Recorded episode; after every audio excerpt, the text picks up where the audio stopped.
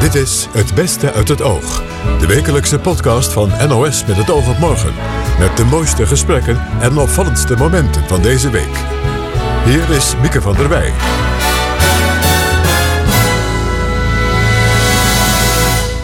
Lieve luisteraars, welkom bij een nieuwe aflevering van Het Beste uit het Oog. Er is weer een mooie selectie gemaakt. Zo buigen wij ons over de vraag waarom er een Bijbel in gebarentaal moet komen. Als we kijken naar eh, de Bijbel, dan is het eigenlijk een van de meest gelezen boeken op de wereld. En dat is dan voor doven niet toegankelijk. En dat willen wij hen graag aanbieden. En we spreken rapper Willy Wartaal over zijn eerste soloalbum. Ik heb alles gewoon zonder nadenken gedaan. En de eerste keer dat Pepijn het hoorde, toen zei hij... eh, Het, is eh, best wel, het heeft toch wel iets duisters of zo. Maar eerst, het was de week van het proces tegen Gugman T., de man die terecht staat voor de aanslag in een tram in Utrecht vorig jaar. Hij gedroeg zich in de rechtszaal op zijn zachtst gezegd eigenaardig. Hij schold, spuugde naar de rechters en stak zijn middelvinger op. Niets leek indruk op hem te maken, behalve misschien het spreekrecht van een van de slachtoffers. Eline. Haar advocaat Alette Schijns vertelt tegen Koen Verbraak wat er in de rechtszaal gebeurde. Eline heeft haar eh, spreekrecht uitgeoefend. Dat was ongelooflijk moedig en krachtig van haar. En aan het eind van dat spreekrecht heeft zij de verdachte eh, direct aangesproken bij zijn voornaam. En heeft zij gezegd: Gukman, je hebt mij niet verslagen. En op die woorden reageerde hij door te zeggen: jammer. Dat was ongelooflijk schokkend voor iedereen. Uh, je hoorde iedereen ook de adem inhouden, inclusief de rechtbank. Uh, iedereen vroeg zich af, wat zegt hij nu in godsnaam? Uh, en vervolgens heeft de rechter ervoor gekozen om de verdachte de zaal uit te dirigeren. Uh, die schok, die was er. De eerste gedachte die bij mij opkwam en later ook bij Eline... Ze heeft hem kennelijk geraakt met haar opmerking. Ja. Zij was ook de eerste die tot hem doordrong. Want de rechter heeft natuurlijk op de eerste zittingsdag veel vragen aan hem gesteld, waar hij helemaal niet op reageerde. Uh, de andere spreekgerechtigden hebben ook niet uh, een reactie van hem gekregen. Uh, en dat is Eline wel gelukt. En zo kijkt ze er ook op terug. Dus in die zin is er misschien toch, hoe gek dat ook klinkt, iets van, een, van tevredenheid ook? Precies, er is iets van tevredenheid bij haar. In de eerste plaats omdat ze heeft kunnen zeggen wat ze wilde zeggen. Uh, en in de tweede plaats omdat ze, uh, ze wilde ook graag dat hij zou horen wat zij te zeggen had. Ja. En ze wilde dat ook doen in zijn aanwezigheid. En dat is gelukt. Hij heeft haar gehoord, hij heeft haar begrepen en hij heeft zelfs gereageerd op haar. Ja. Dus zij kijkt daar toch met grote tevredenheid op terug. Hoe heeft u haar hierop op voorbereid? Hield u, de, hield u en zij, hield, hield, hield u beiden er rekening mee dat T haar kon beledigen? Ja, we hebben best wel wat gesprekken gehad over de voorbereiding van het spreekrecht. Uh, en ik niet alleen, ook de case manager van uh, slachtofferhulp heeft daar ongelooflijk goed bij geholpen. En wij hebben ook in overleg met het Openbaar Ministerie uh, alle scenario's doorgesproken. Wat gebeurt er bijvoorbeeld als hij door te gaan schreeuwen het spreekrecht onmogelijk maakt? Mm -hmm. Of wat gebeurt er als hij haar gaat aankijken en rare gebaren gaat maken? En u had voor al die, al die scenario's had u een, een, een variant bedacht? Ja, precies. Wij hebben dat uh, door het hoofd laten gaan en ook afgewogen.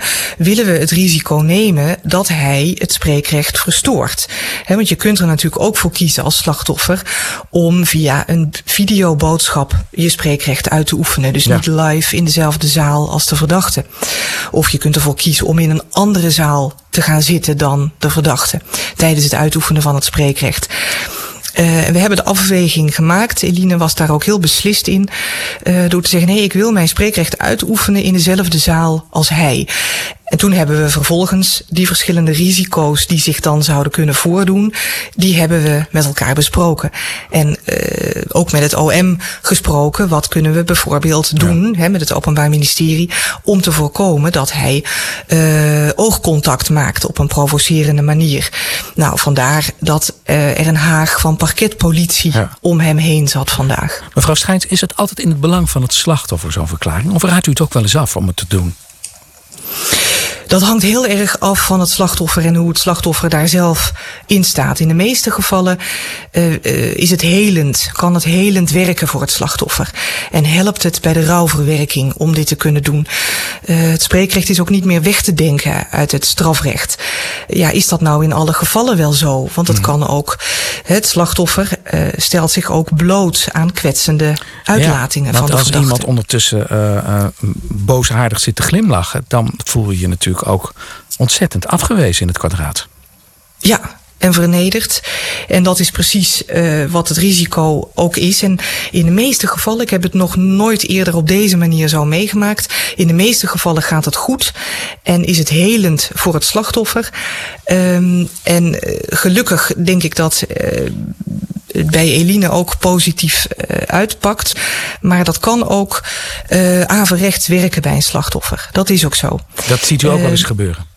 Dat heb ik nog nooit, dat heb ik nog nooit zien gebeuren. Waarom niet? Omdat de meeste verdachten ofwel uh, toch een verklaring geven voor wat ze gedaan hebben, ofwel gewoon zwijgen. Uh, maar deze verdachte uh, gaat nog een stap verder. zwijgt niet alleen, maar ehm, stelt zich provocerend en uitermate kwetsend op. Mm -hmm. En dat gedrag heb ik nog niet eerder gezien in ja. de rechtszaal. En is het voor u moeilijk om het dan echt volstrekt professioneel te blijven benaderen? Of kookt uw bloed dan ook? Uh, nou, ik, ik zie natuurlijk onmiddellijk wat het doet met mijn cliënten. Uh, maar zoals de rechter gisteren uh, heel terecht zei, de toga is dik. Dus het raakt mij. Ja, maar uw cliënt uh, heeft geen toga aan natuurlijk. En ja, nee, u wel, maar. Nee.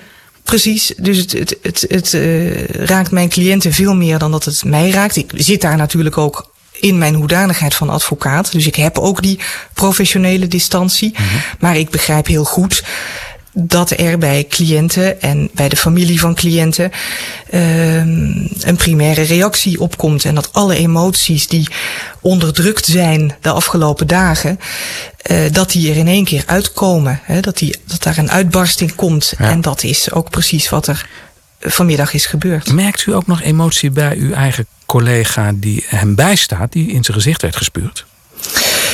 Uh, ja, toen dat gisteren gebeurde, was dat voor iedereen uh, een heftige gebeurtenis. Hij, uh, iedereen schrok.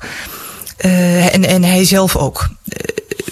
ik heb ook ongelooflijk veel bewondering voor hem en heb hem dat ook laten weten. En heel veel slachtoffers hebben hem dat ook laten weten.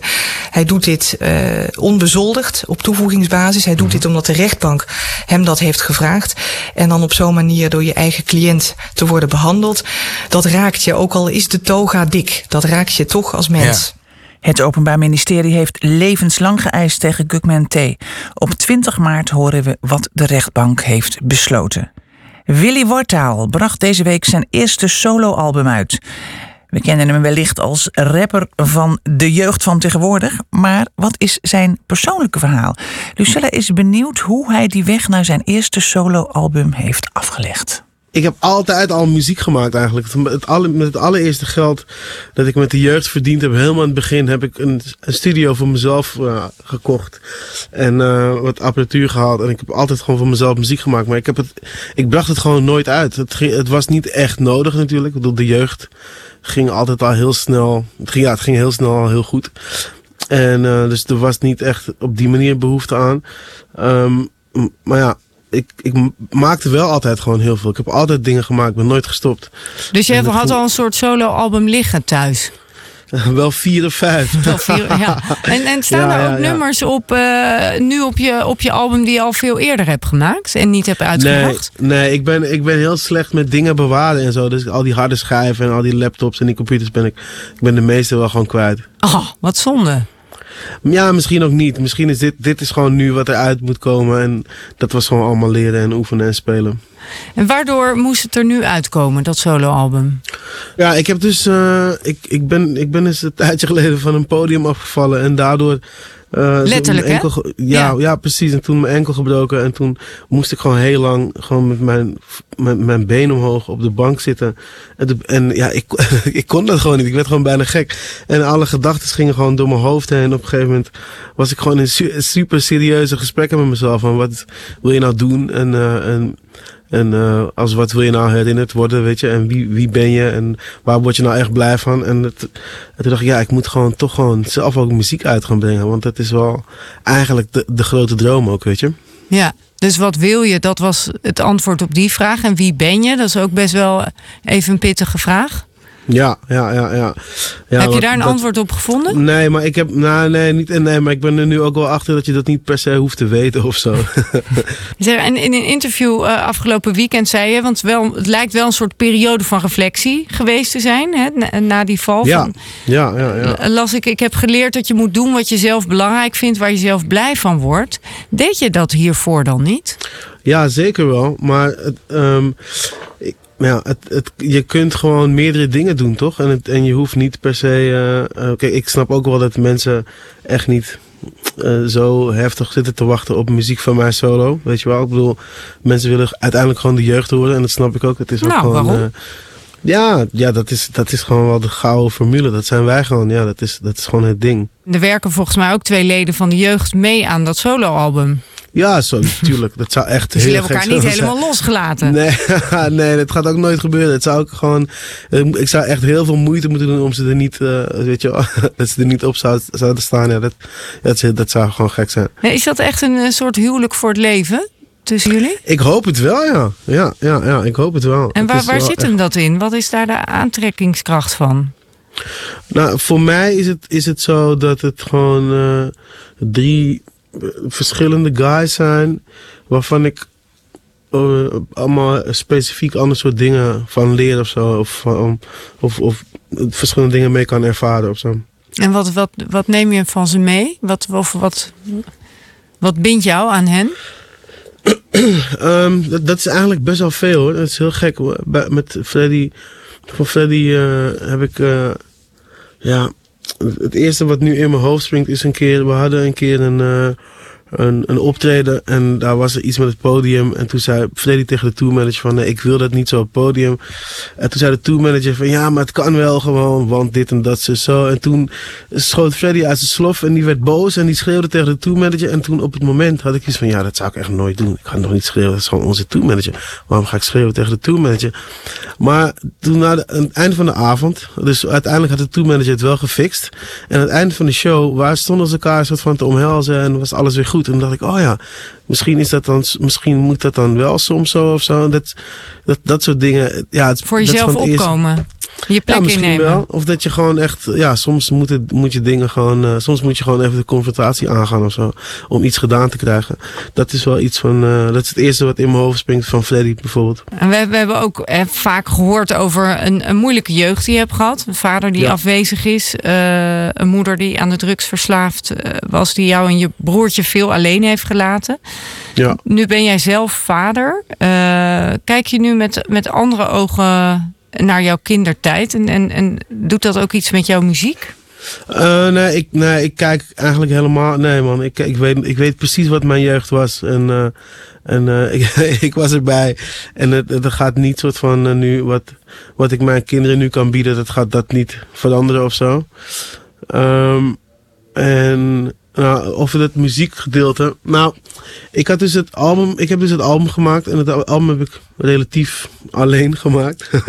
en um, dus ik heb daar heel weinig, heel weinig over nagedacht. Zo van, over wat moet het zijn. Ik heb het gewoon gedaan. Als ik met de jeugd muziek maak, dan ben je gewoon heel veel aan het, uh, aan het overleggen. Heb je meetings over in de studio. Het lijkt wel een meeting over waar gaat het nummer over, weet je. En nu heb ik dat dus helemaal niet. Echte ja, vergaderingen. Ja. Dus nu, nu heb ik, uh, dat heb ik nu dus helemaal niet, zeg maar. Dus ik heb alles gewoon zonder nadenken gedaan. En de eerste keer dat Pepijn het hoorde, toen zei hij, eh, het, het is eh, best wel, het heeft toch wel iets duisters of zo. In elk en Pepijn is ook van de jeugd, hè? Voor de mensen die hem niet kennen. Ja. ja, precies, Pepijn. De mensen die hem niet kennen, belachelijk. Wie zijn die nou, mensen? Die, die, die, luisteren misschien nu wel naar Radio 1. um, en uh, die zei, ja, in elk nummer wordt er wel iemand iets aangedaan. Of, is, of, of betreft het na de situatie. En toen dacht ik, oh ja, oké, oké, oké. Dat is inderdaad... Um, is dat ook zo? ja, ja ik ging het luisteren en toen dacht ik, oh ja, het klopt. Het is steeds wel iets, het is altijd wel iemand onaardigs of zo. Of er is iets gebeurd of iets van, uh, Ja, dat, dat, dat Maar daar was je niet mee bezig. bezig terwijl je het maakte. Het kwam er gewoon uit. Nee, helemaal dus niet. dat is ja, achteraf een beetje Ja, psychologiseren. precies. Ja, inderdaad. Dus achteraf denken, hè, wat grappig dat als ik gewoon, eh, gewoon maar iets doe, dat het dan wel een soort van iets duisters is of zo. En, en ehm, wil, wilde je dat misschien onbewust ook uitdrukken? Iets duisters? Nee, nee, nee ik- nou, weet ik niet. Het is dus wel een soort van. Waarschijnlijk is het wel omdat ik die jeugd heb meegemaakt, die jeugd heb meegemaakt, dat het dan dat dit er zo uit, dat dit er nul is of zo. Snap je? Ja. Dus, en dan eh, bedoel je je eigen jeugd en niet de jeugd van tegenwoordig. Nee, mijn jeugd inderdaad. Ja, Ja, ja, ja. ja. Ja. dus dat, ja, dat is, het is, ja, het is be- best wel gek, maar het is ook wel, want in interviews willen mensen het steeds hebben over mijn jeugd en zo. En, maar ik praat daar zelf eigenlijk bijna nooit over. Ik praat alleen over met journalisten, zeg maar. En, en, en ik zou ook niet, ik, ik weet ook niet, ik heb wel eens met de jeugd in een nummer daarover gehad, maar verder doe ik dat eigenlijk helemaal niet vaak. En op mijn solo heb ik dat ook eigenlijk helemaal niet gedaan. En doe ik dat ook helemaal niet. Ehm, En dan begin ik er weer maar- over. ja, dat geeft niet, geeft niet. Maar het, het, het zijpelt er toch wel doorheen, heb ik gemerkt. Ja. Weet je, ook al zeg, benoem ik niet de dingen. Het is, wel, het, het is wel, je ziet toch wel dat ik een soort van andere manier van naar de wereld kijk. En nu is natuurlijk de vraag: eh, hoe zit het met je loyaliteit aan de jeugd van tegenwoordig? Want nu is dat soloalbum er. Is het samen allemaal te plannen en te doen met de jeugd? Wat- Ja, zeker. Want ehm, we zijn nu net pas weer in de studio met de jeugd. Dus we hebben nu misschien drie nummers. Dus als er dan een album uit zou komen, dan zou het begin volgend jaar zijn. O- Op zijn snelst. Dus ik kan dit jaar gewoon wel een beetje spelen. De Bijbel is in alle talen te lezen. Bijna dan, want gebarentaal ontbreekt nog in het Nederlands. In Amerika is inmiddels een Bijbel in gebarentaal gemaakt op film. En aan een Nederlandse versie wordt ook gewerkt. Alfred Bout doet dat. Hij is zelf doof. Chris praat met Alfred, maar u hoort de stem van zijn tolk. En Alfred legt uit hoe hij als dove gelovige het Bijbelverhaal heeft leren kennen. Ik ben christelijk opgevoed en mijn ouders hebben mij daar flink in onderwezen. En mijn moeder beheerste al redelijk wat gebaren. En die kon dat dus in gebarentaal eigenlijk mij de Bijbelverhalen vertellen. En op die manier heb ik het dus ook eigenlijk tot mij genomen. Weet je welke Bijbel ze gebruikten? Ik, ik denk, ze vertelden mij gewoon de Bijbelse verhalen, zeg maar, zoals je ze in een kinderbijbel hebt. En zij bouwden dat natuurlijk op. En langzaam de hand werd dat langs, zeg maar, er werden de, de echte Bijbel erbij gehaald. Zijn er, zijn er genoeg voorzieningen voor eh, dove mensen om hun geloof te kunnen beleiden in Nederland? Nou, als je kijkt eh, naar de tolkvoorziening in, binnen Nederland, is dat heel goed geregeld. Ik kan een tolk aanvragen voor een kerkdienst in allerlei verschillende situaties ook. Dus bijvoorbeeld ook de Indie Kerkdienst. Noem het maar op, daar kan ik mijn tolk voor inzetten. Dat kan. En dan krijg ik een vertaling. Dus dat is goed voorzien. Dat is goed voorzien ja. Ja. Maar dan dat, dat lezen van de Bijbel. Hè, wat, wat mij verbaasde eh, was dat er een vertaling in gebarentaal moet komen voor dove mensen. Want ik dacht, ja, dove mensen kunnen toch gewoon lezen. Ja, dat begrijp ik. Ja, dat klopt ook. Die vraag wordt mij vaak gesteld ook. En ehm, dat heeft ook wel te maken met... dat als je horen bent, dan hoor je natuurlijk het Nederland, de Nederlandse taal. En dat is dan je moedertaal. Dus dat is de taal van je hart, om het maar zo te zeggen. Aha. En voor dove mensen is dat de gebarentaal.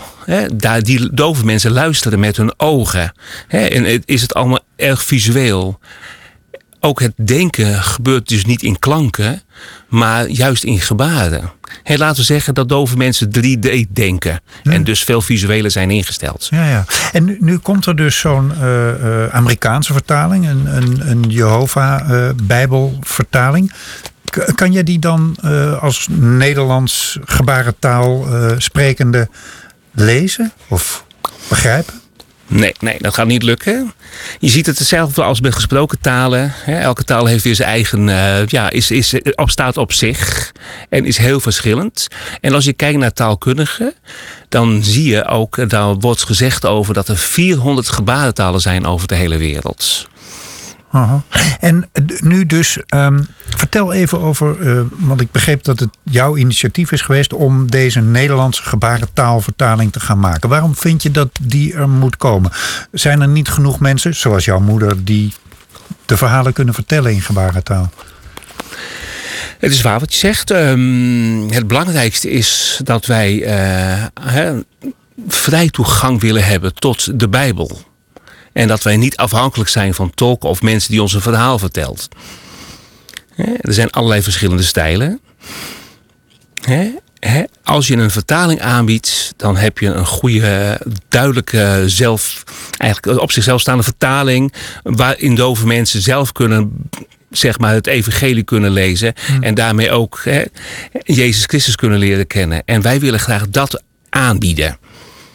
En als we kijken naar eh, de Bijbel, dan is het eigenlijk een van de meest gelezen boeken hmm. op de wereld. En dat is dan voor doven niet toegankelijk. En dat willen wij hen graag aanbieden. En op basis van, van welke vertaling uh, werken jullie dan? Hebben jullie daar één Bijbelvertaling voor? Of gebruiken jullie meerdere? Leggen jullie dingen naast elkaar? Wij gebruiken verschillende vertalingen die we naast elkaar leggen. En dan proberen wij zo dicht mogelijk wel bij de oorspronkelijke taal te blijven. Mhm. Natuurlijk wel rekening houdend met de Nederlandse gebarentaal en zijn eigenschappen. Ja. En ja, hoe, hoe, hoe werkt het omzetten van een geschreven tekst in gebarentaal? Want uh, ik neem niet aan dat iedere zin helemaal letterlijk woord voor woord uh, wordt omgezet in gebaren of zo. Jullie hebben niet gebaren voor één woordje. Dat, hoe, hoe werkt het wel? Nou, je hebt allerlei passages in de Bijbel staan. Dus wij nemen zo'n pericoop, zo'n passage, die nemen wij bij de hand en die, die vertalen we dan en dan kijken we hoe we dat in een geheel goed kunnen vertalen. Dat leggen we dan vast op uh, video. En op die manier kunnen we dan eigenlijk als het ware zo'n passage laten zien in gebarentaal. Mm nou, nou weet ik bijvoorbeeld. Uh, ik, nou, ik liep er tegenaan deze week. Ik wilde een tekstje ergens en daar had ik uh, de, de, de vertaling van uh, de openbaringen van Johannes voor nodig. de, de vierde ruiter van de apocalyps om precies te zijn. En toen zag ik dat in de ene vertaling stond daar dat die de, de, de zwarte pest meebracht. En in de modernste vertaling stond hij bracht dodelijke ziekten mee tegen dat soort nieuwigheid, vernieuwingen enzovoort, lopen jullie daar ook tegenaan en hoe ga je daarmee om? Daar lopen we zeker tegenaan. Zeker als je het hebt over sommige woordkeuzes die je moet maken. Wij werken samen met Wieke Bijbelvertalers. Daar zijn consulenten in dienst die ons daarbij helpen.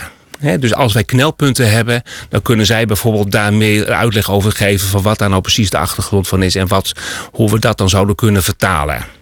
Kan je een voorbeeld geven van zo'n knelpunt waar jullie onlangs tegenaan zijn gelopen? Um, daar moet ik even over nadenken. En dan denk ik aan. Um, als je kijkt naar bijvoorbeeld, uh, er is een onderdeel van gebaat dat het heet rolnemen. Hè? Of wat denken we aan van mimiek bijvoorbeeld? Van hoe moet je kijken? Kijk je heel vrolijk of juist moet je op dat moment juist heel zwaar kijken, moeilijk kijken? En als we dan ook kijken naar bijvoorbeeld gezagsverhoudingen hè, tussen God en mens bijvoorbeeld, dan, kijk je, dan, dan moet je daar rekening mee houden in je vertaling. als je als mens naar God praat, kijk je naar boven toe. En als God vanuit God praat je naar beneden toe, als het ware naar de aarde. Ah, dus, waar, dus waar mijn vader over woordjes uh, zat te puzzelen, zitten jullie over een manier van kijken te puzzelen. Ja, ik zie dat je ja zegt. Ja, klopt. Ja, ja Wanneer is het project klaar? Nou, het is een langdurig project. Ehm, dit jaar. Eh, in Amerika hebben ze dat project afgerond. En dat heeft, even kijken, 40 jaar geduurd.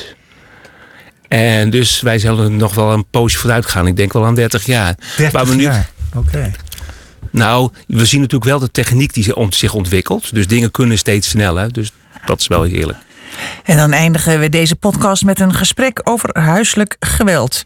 Ulse Gulsen groeide op in een gezin waar huiselijk geweld plaatsvond. Daar heeft ze een documentaire serie over gemaakt. In die serie komen slachtoffers en plegers aan het woord. En Ulse gaat met haar familie in gesprek over wat er thuis vroeger gebeurde. Mijn vader en moeder die eh, zijn op zeer jonge leeftijd uitgehuwelijkd aan elkaar. En uh, dat was dus, uh, nou ja, al niet echt een vrije keuze. En uh, mijn vader die um, is ja, derde generatie schizofreen. Dus die was zwaar geestesziek. Derde generatie schizofreen? Ja. Ja, klopt. Zijn moeder was schizofreen en zijn oma was ook ernstig schizofreen. Oh. Ehm, maar daar heerste, ik weet niet of dat nog steeds zo is tot op de dag vandaag, uh, best een groot taboe op in de cultuur waar ze vandaan komen. Dus uh dat werd niet echt onder ogen gezien en hij werd daar ook niet echt uh, voor geholpen. Hij kreeg niet de juiste medicatie, dus dat escaleerde gewoon. Dus dat snel. was ook een verrassing voor, u, voor, voor je moeder toen, toen ze met hem getrouwd was? Um, ja, nou ja, ik, um, zoals ik het nu begrijp van mijn moeder, uh, werd de ziekte steeds, het ziektebeeld steeds erger. En ja, het escaleerde ook steeds vaker. Maar dat kwam omdat mijn vader regelmatig met psychoses te maken kreeg. En daarnaast ook drank- en drugs gebruikte, misbruikte eigenlijk. Waardoor hij uh -huh. ja, ook steeds minder helder kon nadenken. Ja. Het een zeggen, ja, jaagde eigenlijk het ander extra aan. Voor deze serie sprak je met je moeder en met je zussen. Had je ja. alles eerder met hun over dit onderwerp gesproken? Uh, nee, eigenlijk niet. Uh, en uh, nou ja, ik, ik, wilde sowieso wel graag met mijn zussen en mijn moeder in gesprek hierover. Alleen ja, met de camera erbij maakt het natuurlijk extra beladen. Maar ik zag het ook wel een beetje als de ultieme stok achter de deur om dat gesprek eens een keer aan te gaan met elkaar. Oh ja? ja, en Want dat was nodig. Nou ja, ik dacht, het is best wel vreemd dat dit allemaal uh, gebeurd is uh, uh, tijdens onze jeugd. En dat we hier verder, we kunnen het overal met elkaar over hebben. Maar ja. dit pijnlijke onderwerp bespreken we eigenlijk Keerde nooit. dat geweld zich ook tegen jou en je zussen? Nou, het geweld was nooit echt gericht tegen, tegen mij en mijn zussen. Maar uh, ja, wij belanden eigenlijk wel in dat geweld. Omdat we natuurlijk probeerden om, ons, uh, om onze moeder te beschermen. Dus da dan vielen er zeker wel klappen en ook raakklappen. Um, maar het was niet zo dat mijn vader een ruimte binnenkwam stormen en uh, op ons in ging slaan. Dat niet, nee. nee. Wilde iedereen meedoen, alle zussen en, en, en, en je broer? Um, ja, nou ja, al mijn zussen wilden meteen meewerken. En dat vond ik zelf wel heel bijzonder. Want het, ja, ik bedoel, ik ben dan een tv-maker, uh, zij niet uh, per se. Dus uh, -huh. ik vond het wel bijzonder dat ze zo met de billen bloot wilden gaan. En ik vroeg ze ook wat hun ja, beweegreden eigenlijk was om mee te werken. En toen zeiden ze allemaal los van elkaar ook ja, dat ze het echt belangrijk vinden dat het onderwerp veel meer bespreekbaar wordt gemaakt. En ja, ze hopen ook allemaal ja. dat na het zien van deze serie ook uh, gezinnen die te maken hebben met huiselijk geweld actie gaan nemen. En, uh, en mensen die ja, mensen in hun eigen omgeving hebben die te maken hebben met geweld. Ja. Uh, ook durven te vragen van hey, kan ik iets voor jou doen? En hoe gaat het nu met jou? In plaats van weg te kijken voor Dat huiselijk was voor geweld. hun een belangrijke motivatie. Je, je broer wilde niet meedoen, hè?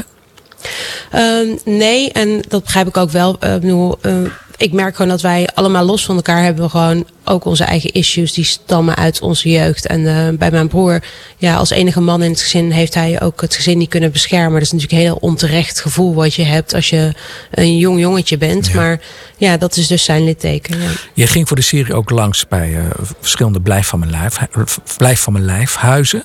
Maar ook ja. een blijf van mijn lijf huis waar je zelf geweest was hè, als meisje van elf.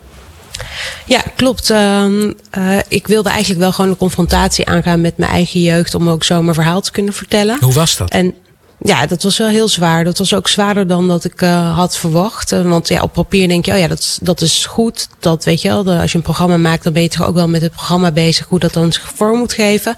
En het moment dat ik die ruimte inliep. En ja, het gekke is, ik herkende gewoon de geur gewoon zelfs oh ja? nog. Van het, ja. En die geur had een soort van uh, paniekassociatie voor mij. Dus ja. En waarom ik, was je daar toen precies? Waarom moest jij daar naartoe?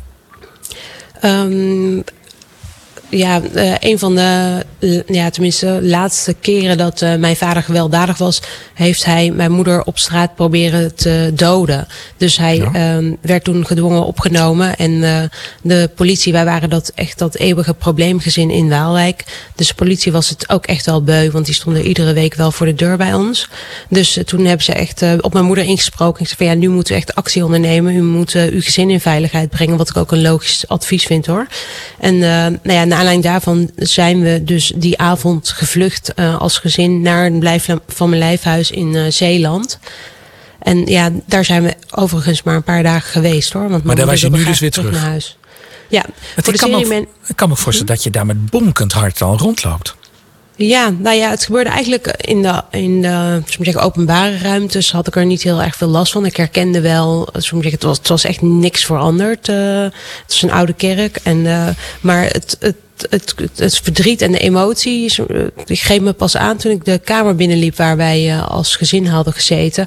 Want dat was ook nog exact zo zoals het toen was. Oh ja. En ja, wat dus gebeurde was er toen? Een soort van herbeleving. Uh, ik zag mezelf wel echt als klein meisje in die ruimte zitten. Compleet in paniek en me afvragend uh, hoe ik naar school kon de volgende dag. Want ik ging natuurlijk niet naar mijn eigen school. Ja. Hoe is het afgelopen uiteindelijk tussen je vader en je moeder en jullie? Um, nou ja, het, geweld uh, is nog heel lang doorgegaan. Eigenlijk tot mijn zeventiende. Dus uh, in totaal uh, ja, bijna 21 jaar. en op mijn zeventiende is mijn vader ehm, uiteindelijk naar een tenminste een aantal gedwongen opnames is hij in een vaste instelling terechtgekomen in Waalwijk. bij een GGZ-instantie. En daar is hij nog? Uh, nee, door de wijziging van de zorgwet in 2015 is, uh, is dat filiaal gesloten, die vestiging. Uh, net zoals vele andere vestigingen. Ja. En is mijn vader op straat komen te staan. en heeft toen een tijdje in een, in een dakloze opvang gezeten. En waar zijn situatie nog erger is geworden, want hij is daar ook ja, ernstig verslaafd geraakt aan heroïne, wat hij niet was. Nee. Dus, maar je hebt nog steeds contact met hem ook?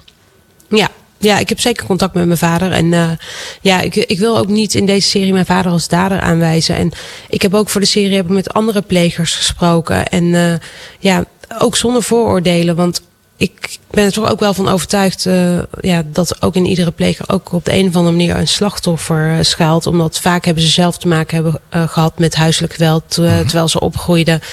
Um, en zo, zo is het ook voor vrouwen die in een gewelddadige relatie komen. Die hebben ook heel vaak in hun jeugd uh, ja, huiselijk geweld meegemaakt. En daarom wil ik deze serie zo graag, wilde ik deze serie zo graag maken. Om, ja, om op de een of andere manier veel meer bewustwording te creëren voor dit probleem. Want het is ook nog eens een keer een vicieuze cirkel waar je bijna niet uitkomt. Omdat je geïsoleerd mm. raakt, in angst leeft.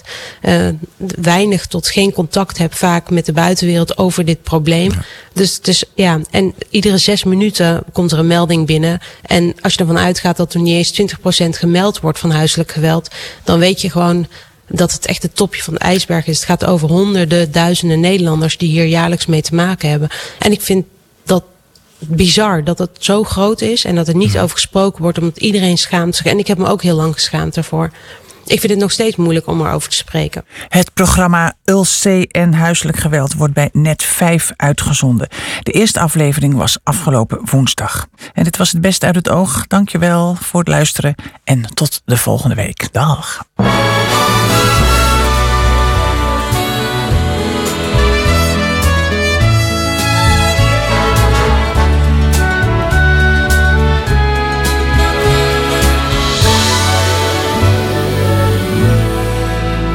Gute Nacht, Freunde.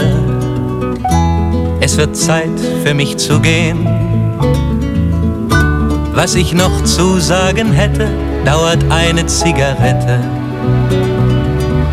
und ein letztes Glas im Stehen.